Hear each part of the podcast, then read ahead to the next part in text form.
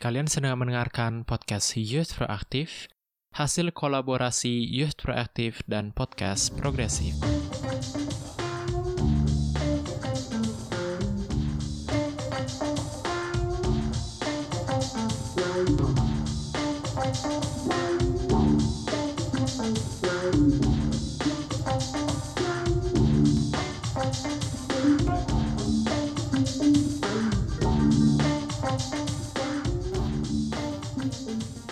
Kembali lagi di segmen podcast Youth Proaktif dari podcast Progresif bersama Puput di sini.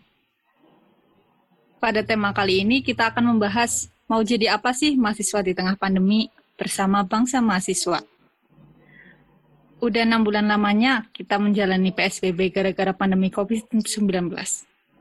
Udah enam, lam, enam bulan lamanya pula seluruh kegiatan belajar mengajar dilaksanakan online. Terutama yang buat di bangku kuliah ya, jarang atau bahkan nggak pernah nih kuliah online sebelumnya. Yang biasanya mahasiswa merantau, sekarang banyak di rumah. Yang biasanya aktif sana-sini, nggak bisa lagi. Mungkin itu sedikit perubahannya. Belum lagi banyaknya kendala seperti perangkat, kuota, dan sebagainya. Pada kesempatan kali ini, saya akan mengundang salah satu media jurnalis yang memiliki concern pada mahasiswa, yaitu Bangsa Mahasiswa, yang diwakilkan oleh Bang Oji dan Bang Jo. Halo. Halo semuanya. Halo. Halo, selamat datang Bang atau Kak Oji dan Kak Jo. Ya, ya, ya, ya. Ya, Bahas apa kita nih? bahas senang mahasiswa dah. Nah, Iya, jadi eh, kalau dari dilihat bangsa mahasiswa sendiri ini kan biasa ngirim tentang isu-isu yang terkini ya buat mahasiswa, apalagi buat mahasiswa yang nggak sekedar belajar gitu, tapi harus tahu juga tentang isu-isu terkini. Nah, selama pandemi kayak gini, kegiatannya gimana Kak? Apakah ada perubahan kayak gitu dari sebelum-sebelumnya dari kegiatan bangsa mahasiswa ini? Gimana Bang Jo? Lu dulu apa gua dulu? Oji, boleh Ji, duluan. Duluan Oji, silakan. Oke, eh, kurang lebih sih di dalam kegiatan kita kita masih me- masih konsen eh, mengangkat isu-isu seputar mahasiswa. Ada juga beberapa isu-isu di luarnya seperti isu-isu konflik Mhm. agraria, isu-isu politik nasional seperti Omnibus Law, eh, RUU Cipta Kerja, dan beberapa isu lainnya. Eh, tapi pada keadaan yang seperti sekarang ini, eh, bangsa mahasiswa itu kita banyak melakukan korespondensi dengan kawan-kawan di daerah, terutama kawan-kawan mahasiswa yang merasa adanya ketidakadilan di tengah-tengah pandemi ini. Bagaimana akhirnya mereka diharuskan tetap membayar eh, biaya kuliah eh, dengan situasi eh, pembelajaran jarak jauh ini yang dirasa tidak sesuai dengan apa yang didapatkan oleh mereka. Kalau misalkan dulu mereka membayar sekian juta mendapatkan fasilitas kelas, da- mendapatkan fasilitas eh, apa ruangan AC, Iya. mendapatkan fasilitas yang lain lainnya. Tapi hari ini dengan adanya pembelajaran ja- jarak jauh itu tidak didapatkan semuanya dan mereka diharuskan membayar full. Atau juga Betul. isu selanjutnya untuk mahasiswa-mahasiswa angkatan atas nih ya, eh, ketika Iya. mereka harus melewati proses inaugurasi, proses eh, yudisium wisuda. Di situ mereka eh, tetap diharuskan untuk ini ada dua ya. Kalau mahasiswa negeri, Hmm. mereka kan pembayarannya disatukan dalam satuan pembayaran namanya uang kuliah tunggal ataupun UKT. UKT. Iya. Di situ sudah terma- termasuk biaya eh, wisudanya. Nah, ketika ada wisuda online atau bahkan di beberapa kampus kayak kampus kita nih di universitas negeri yang ada di Jakarta itu tidak melakukan wisuda. Nah, uangnya ke mana? Ataupun di beberapa universitas negeri swasta, universitas negeri swasta, universitas swasta itu eh, tetap diharuskan untuk membayar uang eh, wisuda, uang yudisium sebagaimana normalnya, tapi wisudanya dilakukan secara online. Nah, di situ kan eh, dari teman-teman banyak eh, bercerita ke kita mengenai transparansi terkait biaya yang dibayarkan mereka ke pihak kampus. Entah itu bayaran semester, bayaran SKS, bayaran wisuda, dan lain sebagainya. Nah, di situ kayak uh, di situ kayak ada satu isu-isu bersama yang akhirnya uh, kita highlight dengan teman-teman uh, lain bahwa sekarang untuk mahasiswa itu uh, sedang menuntut adanya penurunan uh, uang kuliah menyesuaikan dengan situasi pandemi ini. Apalagi di situasi, di situasi yang sekarang ekonominya kan lagi sulit ya. Otomatis hmm. dengan biaya kuliah yang normal tentunya akan memberatkan mahasiswa ataupun orang tua mahasiswa membayarnya. Apalagi yang mahasiswa mengandalkan uang gaji bekerjanya untuk membayar kuliah. Sementara ada juga teman-teman mahasiswa yang bekerja yang dirumahkan, ada yang di PHK, ada yang di layoff dan segala macamnya. Kemudian juga ada juga dari teman-teman mahasiswa kelas karyawan yang menu, yang bercerita kepada kita gimana akhirnya terjadi sebuah perubahan besar di perguruan mereka, gimana akhirnya mereka dengan situasi kondisi ekonomi yang tidak stabil harus membayar biaya kuliah yang besar karena kan kalau beda ya biaya kuliah normal sama biaya kuliah karyawan tentunya lebih besar dong yang karyawan. Iya. Uh, mereka tetap membayar besaran sekian juta itu dengan fasilitas yang minim dengan kondisi mereka juga yang lagi sedang terjepit di pekerjaan mereka. Yang tadi saya bilang ada yang di PHK, ada yang dirumahkan, ada yang digantung uh, statusnya tanpa digaji. Nah, di situ kayak secara secara kalau kalau saya pribadi ya melihat mm-hmm. itu sedang terjadi pada mahasiswa sekarang pada umumnya. Kita berbicara soal isu yang dirasakan mahasiswa yaitu adalah keadilan soal gitu. bayar.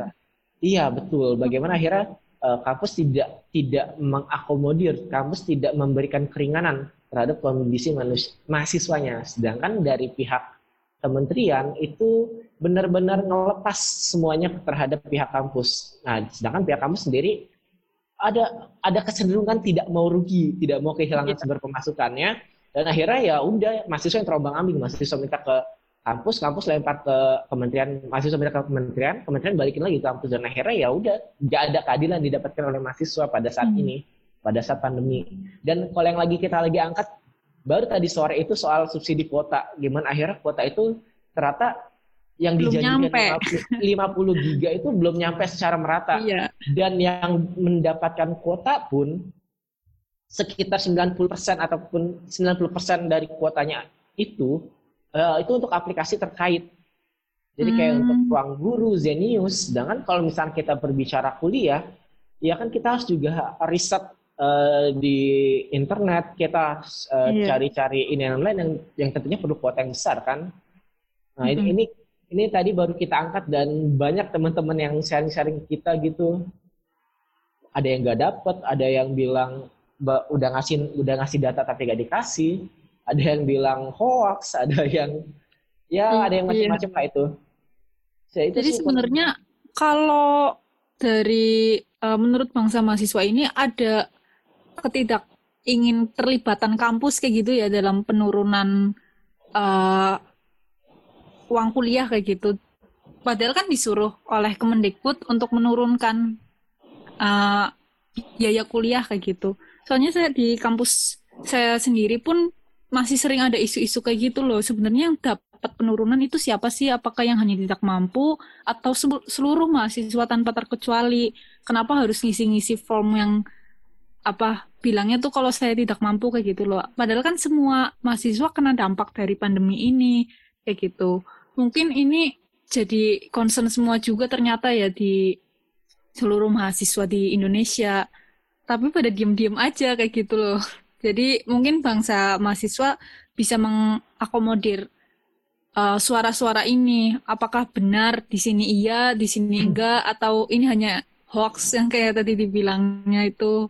Apakah ini kuota 50 giga cuma buat tertentu atau cuma buat uh, yang jauh misalnya yang nggak kena sinyal kayak gitu.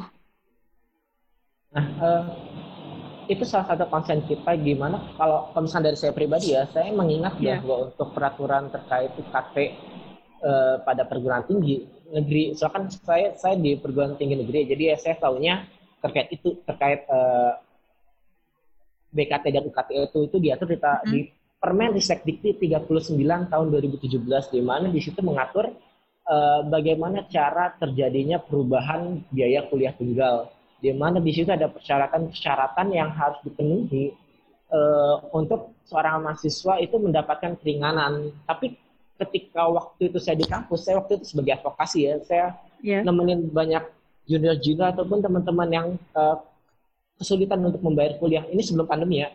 Pada hmm. saat itu meskipun sudah diatur pada Permenristek Dikti terkait uh, tata cara dan situasi-situasinya, kampus cenderung uh, kampus saya, kampus saya cenderung untuk mempersulit dengan berbagai persyaratan hmm. dan berbagai yeah. macam administrasi yang ada di dalamnya sehingga pada saat itu akhirnya mahasiswa lebih memilih untuk ngutang, ngegedain BPKP motor atau uh, pada urunan patungan gitu buat bayarin uh, salah satu teman yang nggak bisa bayaran. Bahkan yeah. kayak ada beberapa kali kasus saya mendampingi teman-teman yang nggak bisa bayaran, itu cuma ada segelintir doang akhirnya bisa diturunkan biaya kuliahnya.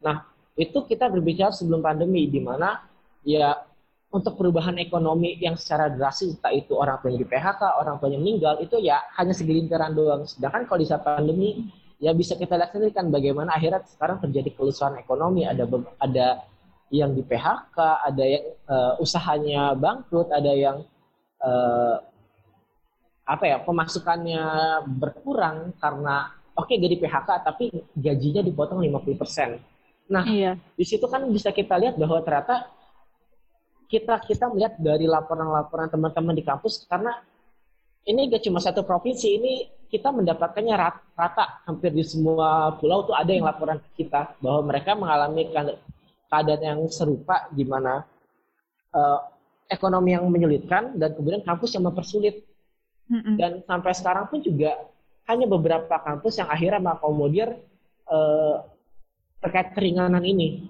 Karena situ ya kalau dari pembacaan kita kita melihat bahwa kampus itu apa bahasa kasarnya uh, tidak bisa menjadi kalau kalau saya sama teman-teman bilang kampus trainer gimana kampus itu punya pendanaan di luar uh, duit, duit bayaran mahasiswa. Nah kalau misalkan uh, yang kita lihat kampus itu uh, tidak berhasil menerapkan sistem kampus planner. Jadi iya. ketika mahasiswa itu kesulitan bayaran, mahasiswa itu tidak bisa membayar seperti keadaan yang normal, kampus itu tetap berkukuh karena ya dalam tanda kutip mereka tidak memiliki pemasukan lain selain mm -hmm. uh, mahasiswa. dari mahasiswa sehingga iya. alasan-alasan yang selalu diambil dari pihak uh, birokrat itu adalah ya untuk gaji dosen, kalian kalian minta keringanan nggak ini apa gak mikirin gaji dosen padahal kan sebenarnya kalau kita berprinsip pada kampus planner di mana kampus itu punya uh, kemampuan planner gitu. Ya? iya kemampuan soal itu mm. uh, gak gak harus ya bahasa kasarnya menghisap uh, ma mahasiswa kayak gitu iya. Karena beberapa kampus juga melakukan melakukan ketika kita posting isu di kampus A kemudian birokratnya pada pada pada komen gitu. Karyawan-karyawan pada komen kalian nggak mikir apa ini gaji dosen? Kalian nggak mikir apa gaji karyawan? Padahal kan sebelum mikirin gaji dosen sama karyawan mahasiswa tentunya mikirin dulu dong gimana nasib keluarganya gimana nanti nasib orang tuanya yang kesusahan ekonomi atau bahkan dirinya sendiri yang kesulitan ekonomi. Nah di situ kayak kita melihat bahwa akhirnya kampus uh, tidak bijak dalam uh, menanggapi situasi yang serba sulit saat sekarang ini. Iya. Nih Kak, uh, kalau dari sisi keadilan dan ekonomi serta ya kebutuhan kita soal kuliah kan dari situ ya. Kalau menurut Kak Jo dan Kak Uji sendiri, bagaimana sih ini efektif nggak sih kuliah jadinya online kan kita online seperti ini? Apakah dosen-dosennya itu udah bisa atau anak-anaknya sudah mumpuni kayak gitu? Karena kadang menurut saya uh, kan pada bilang nih karena pandemi ini kita untung loh kita jadi maju teknologinya. Nah hmm. tapi di sisi lain menurut saya maju ya nggak harus karena pandemi ini sih harusnya. Cuma kok ini kayaknya dipaksakan dan nggak jadi nggak efektif. Kalau menurut pandangan bangsa mahasiswa sendiri itu gimana sih tentang keefektifan kuliah online ini? Nah, coba Bang Jo, yang orang IT gimana Bang Jo?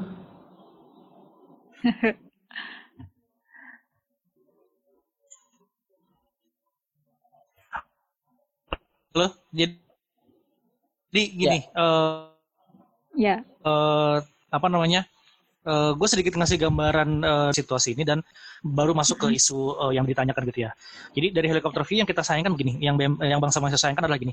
Uh, ada isu lebih besar uh, di luar uh, isu yang sedang kita bahas ini yaitu mm-hmm. adalah uh, pembahasan RUU RUU Omnibus Law Cipta Kerja yang uh, tidak berpihak pada kaum pekerja juga gitu ya. Mm-hmm. Yang konfliknya sebenarnya sudah dirasakan di berbagai daerah gitu. Itu yang itu yang uh, hal pertama pengen BM sampaikan gitu.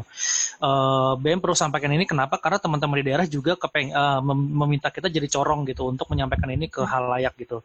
Ini terbukti jadi perhatian di audiens kita uh, apa namanya?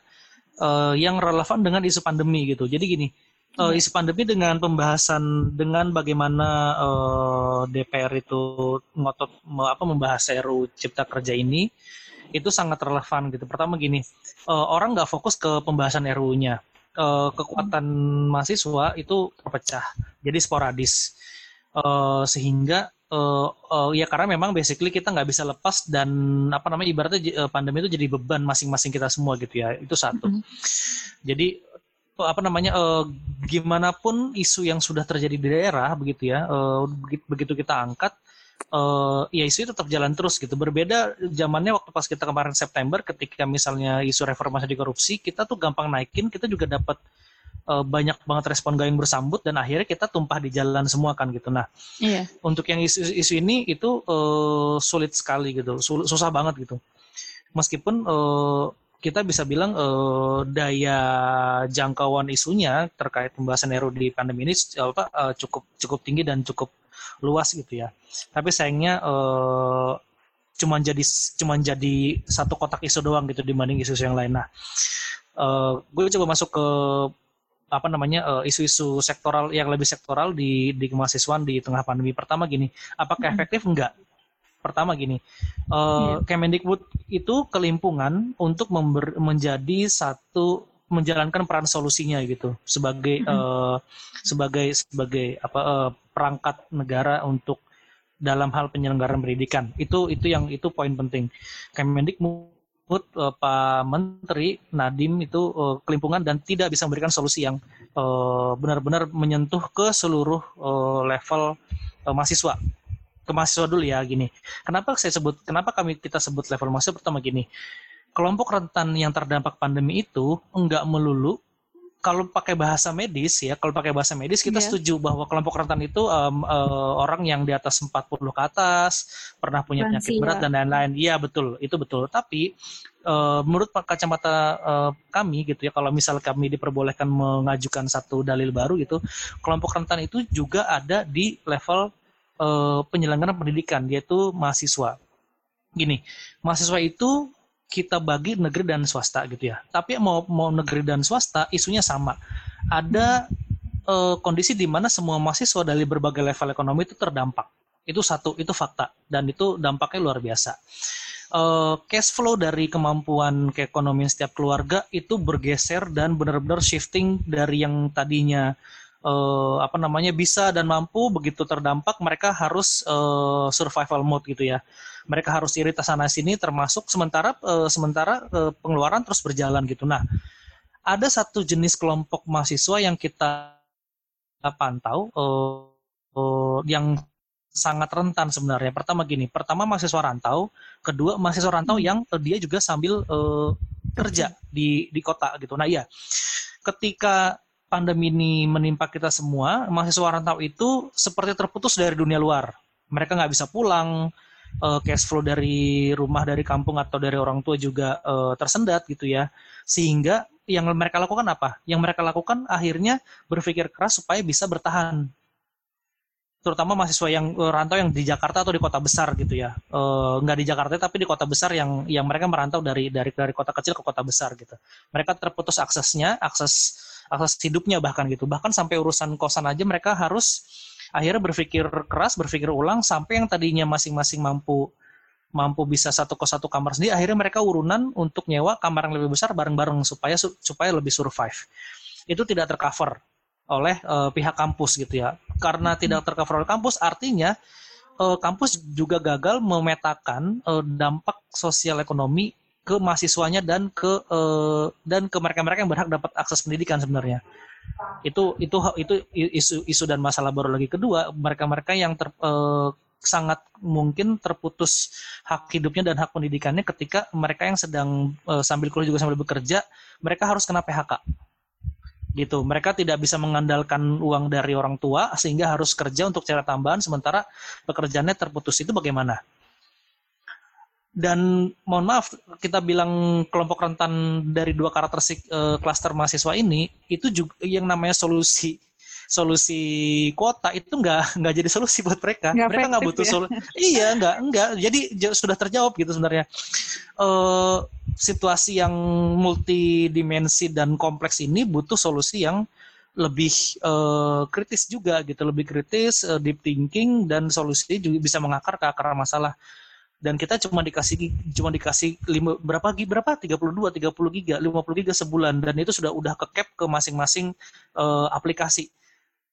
Itu udah salah kaprah. Kenapa setiap jurusan bahkan mahasiswanya tuh punya kebutuhan berbeda. Anak teknik itu nggak nggak butuh ya mungkin butuh apps dia. Tapi anak anak-anak fisip gitu anak-anak uh, fis ilmu sosial gitu yang mereka lebih butuh banyak uh, e-book dan lain-lain dan sebagainya. Hmm. belum lagi ke jurusan lain gitu itu tidak itu tuh kayak semacam solusi tunggal yang yang yang diperuntukkan untuk berbagai macam masalah dengan berbagai macam background uh, isu gitu. Bisa itu lagi-lagi gitu ya?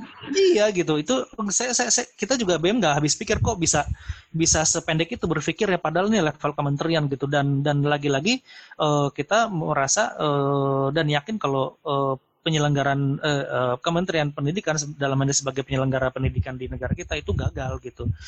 Dari dari solusi kuotanya dari keputusan-keputusan yang lainnya gitu. Uh, belum lagi belum lagi nih ya belum lagi kita ngurus uh, belum lagi kalau uh, untuk teman-teman tahu aja belum lagi di situasi ini juga uh, konflik antar mahasiswa dengan kampusnya itu meruncing uh, apa apa angkanya angkanya meningkat dan itu terjadi di pusat dan daerah gitu meminta transparansi UKT lebih transparan, meminta keringanan, potong-potong UKT itu uh, justru malah uh, hak yang seharusnya didapat mahasiswa gitu ya di negeri dan di swasta justru berakhir dengan represi. Nah itu itu isu lagi dan itu juga uh, kementerian dalam hal ini uh, representasi negara juga nggak hadir. Jadi benang kusut banget, benar-benar benang kusut.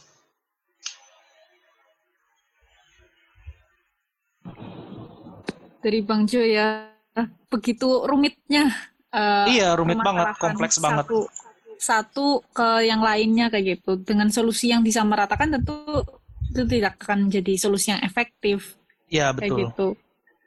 Apalagi ini Bang Jo, uh, udah denger kan yang kasus yang viral itu yang uh, dari ospek Nah itu kan lucu lagi, ikan mereka kan mana, udah tahu ikan pinggangnya mana. Ospek online gitu ya, semua mata tuh bisa lihat, bisa lihat streamingnya, bisa-bisanya ngelakuin iya. kayak gitu. Uh, uh, jadi kayak ya kita kelihatan semua lah. Jadi mana sih yang bisa dinilai sama netizen sendiri? Kalau menurut bangsa mahasiswa kayak gitu, ospek-ospek online kayak gitu perlu nggak sih? Sebenarnya. Enggak gini. Sebenarnya konsep eh, konsepnya eh, konsepnya itu itu sepertinya udah udah mengarah ke ya udah kita kita nggak mungkin jadi gini uh, apa namanya PKM PKKMB online itu yeah. adalah sebuah keharusan. Itu kayaknya udah nggak bisa nggak bisa ini ya nggak bisa enggak gitu. Uh, semuanya uh, yang yang yang yang kita heran adalah uh, kok gaya begitu apa namanya bisa ya di, di, di, di apa dibawa ke lagi meeting kayak gini terus teriak-teriak ngebentak-bentak gitu. Itu jadi gimana ya? Kita ngeliatnya hah? Heran sih heran banget gitu. Terus yang lebih ironi, lebih ironinya lagi eh, panitia-panitia yang ngospek di UNES itu justru akhirnya end up-nya tuh di mereka lagi counseling psikologi tidak kuat mentalnya. Mereka mereka justru yang Sampai. yang ngasih iya yang yang yang justru apa uh, melakukan apa uh, nge-mental adik kelasnya justru sekarang lagi mental lagi di rehab. Jadi kalau misalnya kalau, kalau gue gini Bang Jo, uh, kita oh, berbicara betul. ospek, kita berbicara soal masa pengenalan akademi, kita berbicara soal PKKMB. Itu yeah. adalah sebuah apa ya orientasi kalau tujuannya gimana akhirnya seorang senior itu membimbing menuntun mahasiswanya mahasiswa baru agar tahu bagaimana dunia kampus itu di idealnya ya. Kalau misalkan kayak pas gue pas maba gue diajarin gimana nanti kalau ngurus berkas gimana nanti gue kalau misalkan uh, mau er batalin SKS gimana nanti gue ngisi SKS gimana gimana nanti yeah, ketika yeah. gue ada masalah akademik gue harus datang ke bagian mana? Betul ke bagian akademik dong atau ketika gue ada masalah nanti masalah bayaran itu gue bagian keuangan. Harusnya kan kalau kita berbicara orientasi ke arah sana iya iya iya bukan ya. soal bukan soal pembentuk pembentukan mental. Soal kan kalau kita berbicara pembentukan mental kan udah ada wajib belajar 9 tahun.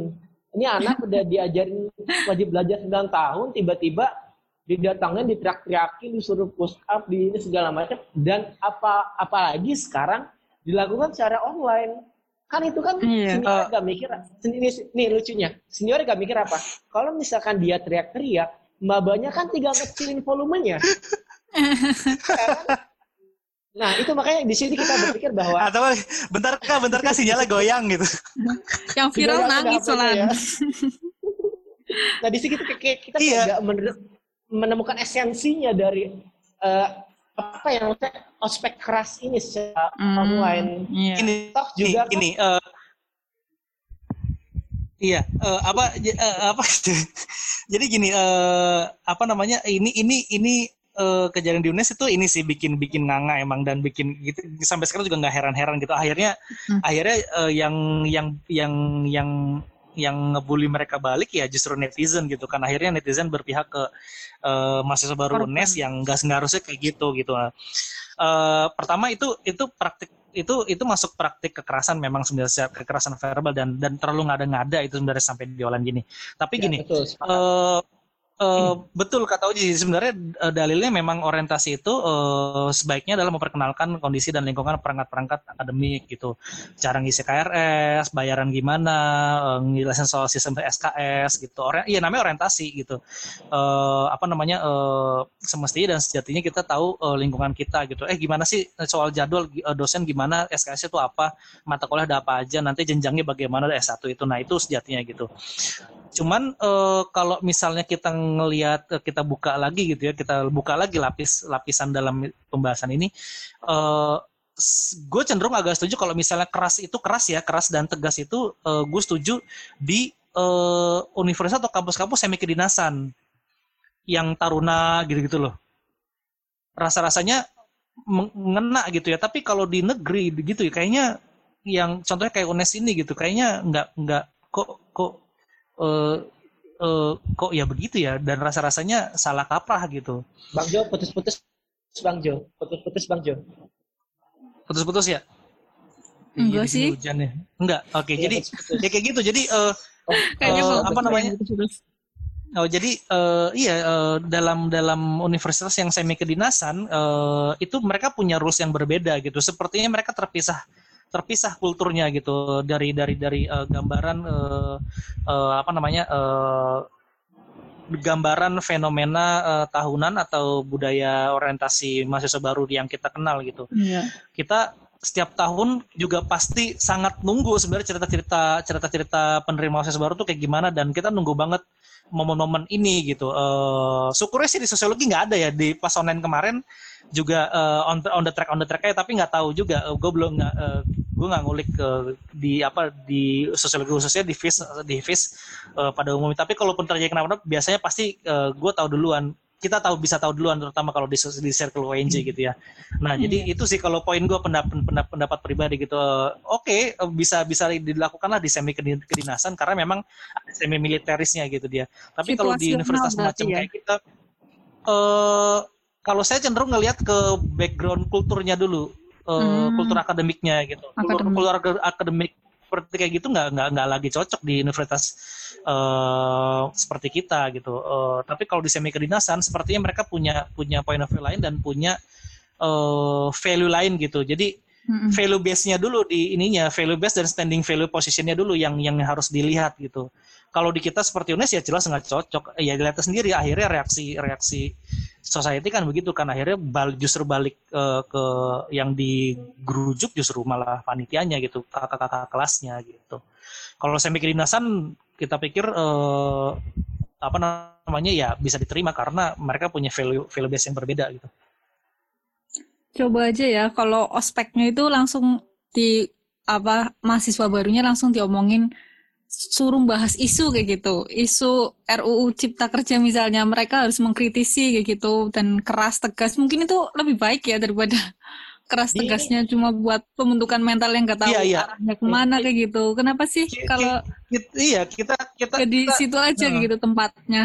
Kalau misalnya diarah iya kalau misalnya diarahin ke sesuatu yang lebih produktif atau minimal yang Iya. memang sudah seharusnya gitu kayak tadi Oji bilang orientasi harusnya ngenalin lingkungan kampus perangkat-perangkat Hmm. kampus terus gimana ngisi KRS eh, as- akademik urusan-urusan akademik gimana ngurus di TU bagaimana itu aja dulu gitu nanti perihal begitu dia sudah masuk udah resmi masuk nah itu baru deh apa namanya eh silahkan gitu apa namanya eh, masing-masing kultur sudah eh, sudah punya waktu dan tempat dipersilahkan gitu cuman ketika penerima mahasiswa baru ya sejatinya nggak begitu gitu. Mereka lebih butuh dikenalin sistem SKS lebih perlu dikenalin siapa-siapa dosen mereka gimana tata tata cara kuliah gitu. Apalagi sekarang eh sekarang menghadapi yang lebih urgent kan eh kita sekarang kita nggak bisa online tatap muka sekarang kita harus online gitu. Nah itu Iya. kesempatan bagi semua semua kelompok gitu ya semua pelaku atau aktor dalam dalam dalam dalam eh, penerimaan mahasiswa baru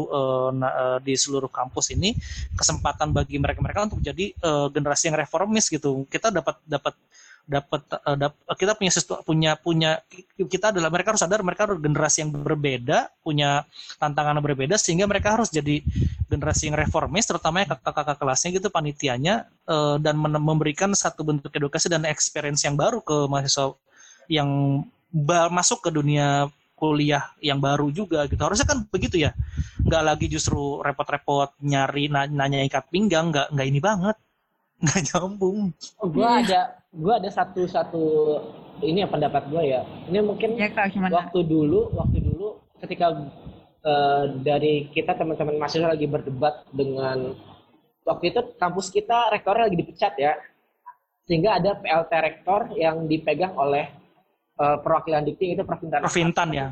Provintan Ahmad itu ketika berdebat dengan kita waktu itu kita minta demokratisasi kampus. Sama dia ditolak. Dan dia tuh menjawab kampus itu nggak boleh demokrasi. Kampus itu akademis. Karena kampus memegang teguh terkait ilmu dan pengetahuan. Tidak semata-mata mayoritas itu benar. Nah eh, di sini akhirnya gue berpikir bahwa eh, soal soal ospek kita kaitkan lagi ke kultur akademis gimana akhirnya ospek itu yes. Selain edukatif Betul. tapi juga memerdekakan orang. Gimana akhirnya ketika orang masuk kampus kan masih belum tahu nih. Gua gua gua dari gua naik SMA masuk kampus apa yang mau gua lakuin? Di mana gua bisa mengembangkan diri? Di mana akhirnya gua bisa uh, nyaman dengan lingkungan itu untuk mengembangkan potensi gua? Di situ ada ospek itu menjadi uh, tempat start gitu. Start di mana akhirnya mahasiswa baru itu tahu nih oh nanti di sini potensi gue bisa keluar. Bukan akhirnya justru disuruh manut-manut sama senior dimarah-marahin dimaki-maki. Kan itu kan sebuah bentuk tidak memerdekakan orang lain kalau menurut gue Ya, betul. di mana kan sering ada anekdot-anekdot pasal satu senior kalau benar. Pasal dua kalau senior salah balik ke pasal satu. Nah itu kan sebenarnya eh, adalah hal yang sangat tidak tidak tidak apa tidak tidak logis tidak logis dan Iya. tidak tidak akademis kalau kita berbicara kampus tempat di mana ilmu berkembang nah di situ kayak gue berpikir bahwa ospek-ospek seperti ini harusnya udah dikubur jauh-jauh kenapa karena ya udah gak zamannya lagi sekarang kalau misal ketika bangsa mahasiswa menaikkan terkait isu ini, langsung banyak komen di Instagram senior-senior yang gila hormat. Alah anak zaman sekarang tuh cemen, gak tahan banyak ke zaman dulu. Lah kan zamannya udah beda bro. Zaman lu Iya. dulu di ospek kita masih kita masih ini masih belajar baca, kita masih bayi atau bahkan belum lahir. Di situ kayak kita melihat bahwa akhirnya per apa ya eh, pergeseran nilai ataupun perubahan nilai itu ada hal yang yang gak bisa kita hindari dan itu harus kita sesuaikan sesuai dengan perkembangan zaman bahwa oke kalau zaman dulu menurut angkatan atas ataupun menurut senior-senior gini respect itu diajarkan dengan, dengan seperti ini mental itu diajarkan dengan seperti ini tapi kan itu kan dulu bagaimana dengan zaman sekarang? Pasti berbeda. Karena zamannya berbeda, lingkungannya berbeda, dan bagaimana individu-individu mahasiswa baru ini tumbuh pun juga berbeda dengan masa zaman dahulu. Maka di situ kayak, tapi di satu sini jadi ini jadi poin plusnya. Kalau zaman dulu ospek kan offline ya langsung gak ketahuan kalau misalkan ada yang keras-keras. Tapi zaman sekarang dengan adanya kecepatan informasi, ketahuan dong. Iya. Entah kayak yang sekarang ospeknya online, ataupun di tahun lalu juga ada kasus-kasus ospek yang disuruh apa disuruh-suruh merayap di tengah-tengah kubangan lumpur gitu itu tahun lalu kita angkat ataupun juga kayak ospek yang disuruh minum bergantian tapi diludahin dulu sebelum dioper ke teman yang lainnya akhirnya kita melihat terus itu terjadi loh dan di situ kita lihat bahwa oh, senior senior purbakala macam ini masih ada purbakala dalam hal pola pikirnya. Di situ akhirnya kita melihat bahwa oh ternyata eh, ini apa ya ya kita kita percaya bahwa kita kita mungkin Bang Jo lebih tahu lah ya kalau misalnya kita ngomongin budaya adalah hal yang dilakukan turun menurun tapi apakah semua budaya itu adalah semua budaya itu baik? Enggak juga kan? Ada juga budaya-budaya buruk.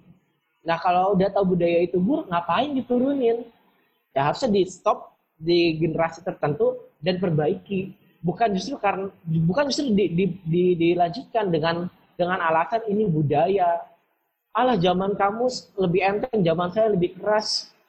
Lah terus salah gua gitu, masuk kuliah lebih lama daripada lu. Oh, ya, tapi di situ akhirnya kita berpikir bahwa nggak gitu loh caranya. Itu sih. Iya. Jadi eh, perbincangan kita kali ini banyak sekali ya Kak. Mulai dari ketidakadilan kota, mulai dari isu-isu yang seharusnya mahasiswa tahu, dan mulai dari yang sekarang dirasakan mahasiswa baru yaitu ospek.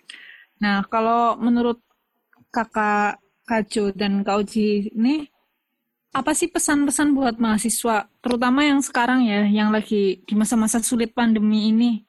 Apa tips dari kakak-kakak ini buat mahasiswa tetap menjadi yang lebih baik kayak gitu? Eh, siapa dulu Ji?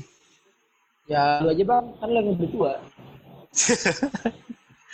Iya, eh, jadi gini, eh, eh, dalil utamanya dari situasi situasi kita adalah pertama gini, eh, BM coba memposisikan diri sebagai mahasiswa baru gitu ya, sebagai apa gen- generasi yang belum pernah eh, ngalamin situasi kompleks seperti ini gitu. Nah, eh, sebenarnya jawaban iya kita ya kita kan nggak tahu kita kan nggak minta kita kan pertama kita kan baru pertama kali ngomong gini sebenarnya Iya itu benar gitu. Persoalannya eh, eh, how apa nah how to be eh, apa namanya scholarship gitu ya eh, atau academician gitu. Ketika mereka, mereka masuk ke dunia kampus, mereka sudah sudah pertama sudah harus lepas embel-embel siswanya lagi. Mereka sudah mahasiswa sehingga cara berpikir dan sikapnya juga harus sudah lebih mahal lagi gitu.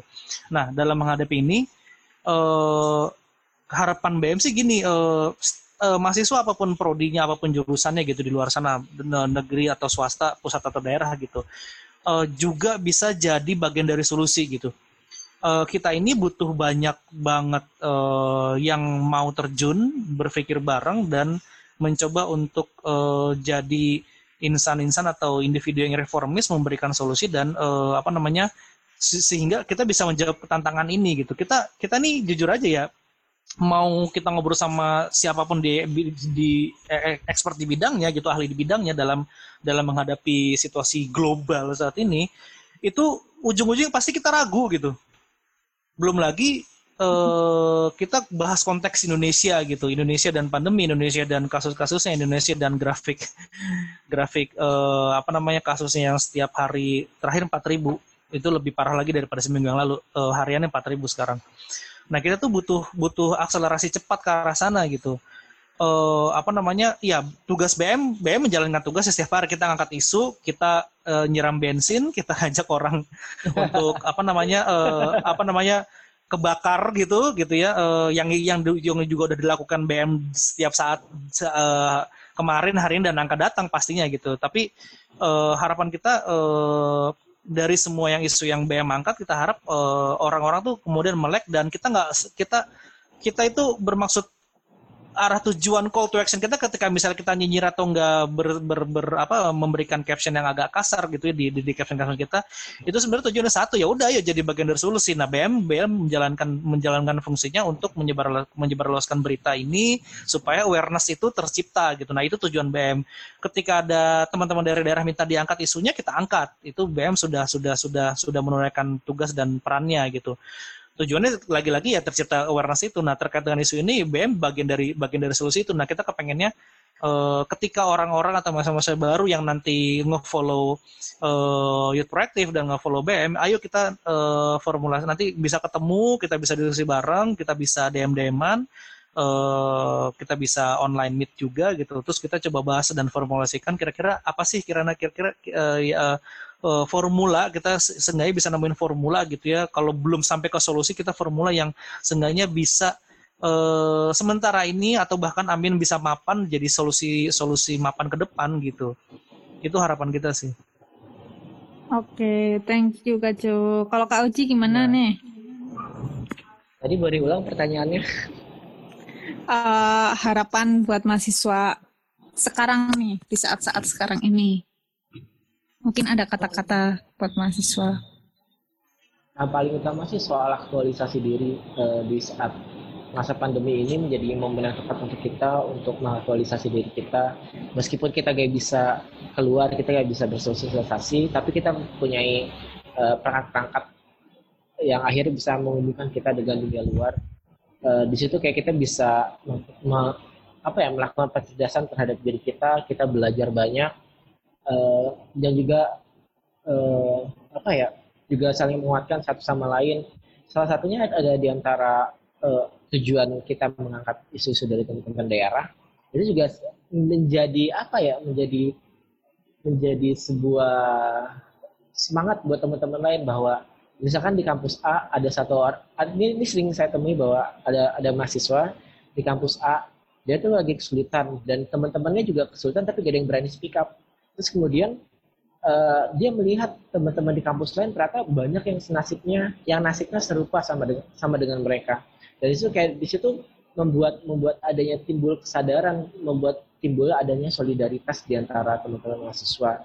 Di situ kayak akhirnya uh, dari komisan dari gue pribadi ingin menyampaikan kepada teman-teman bahwa kalian gak sendiri kalian uh, gak, gak apa ya bahasanya oke okay, kalian sendiri oke okay, lagi oke okay lah sekarang kalian sendiri. Tapi kalian tuh nggak sendirian loh, tapi masih ada juga teman-teman kalian, masih ada juga uh, kawan-kawan mahasiswa yang yang serupa yang lagi berjuang saat ini. Untuk itu coba gunain waktu saat ini, waktu ini, waktu ketika dengan apa waktu ketika banyak keterbatasan, melanda kita menjadi waktu kita untuk uh, mengaktualisasi diri kita, waktu kita untuk merenungi bahwa kita udah sampai ke tahap ini loh dan kita bisa untuk melangkah lebih jauh lagi dengan segala uh, sumber daya yang kita punya. Itu sih paling Siap. sih. Keren banget ya pokoknya dari Kak Ju dan Kak Oji ini. Uh, mungkin cukup sekian dulu apa ya uh, dari kami, dari Youth Proaktif dan percakapan dengan bangsa mahasiswa. Mungkin dari sini kita bisa memetik pelajaran bahwa sebenarnya kita bisa kok sebagai mahasiswa untuk lebih aktif lagi, untuk lebih peka lagi dengan masalah-masalah yang ada karena sebenarnya kita ya menghadapi ini bersama-sama dan memiliki bisa memiliki solusi tanpa harus melakukan berdiam diri kayak gitu. Kita harus bergerak seperti itu, seperti yang dilakukan bangsa mahasiswa. Mungkin cukup sekian. Mungkin mau ada salam lagi, Kak? Atau pesan-pesan lagi sebelum kita tutup? Uh, eh, YP dan BM itu uh, kita deket banget. Jadi harapannya kita panjang ke depan, banyak program-program uh, program kerja yang bareng juga, terus produktif dan kalau BM tuh nggak ragu deh sama regenerasinya YP gitu. Uh, yeah. Dan banyak banget uh, pentolan-pentolan dan alumni-alumni dan apa namanya uh, anggota YP yang sampai sekarang juga aktif dan di luar tuh keren banget ininya. Jadi uh, kita kerjasama bareng uh, terus ke depan dan awet ya nanti proker-prokernya gitu. Iya. Thank you kakak-kakak. Hidup mahasiswa. Ya, hidup mahasiswa.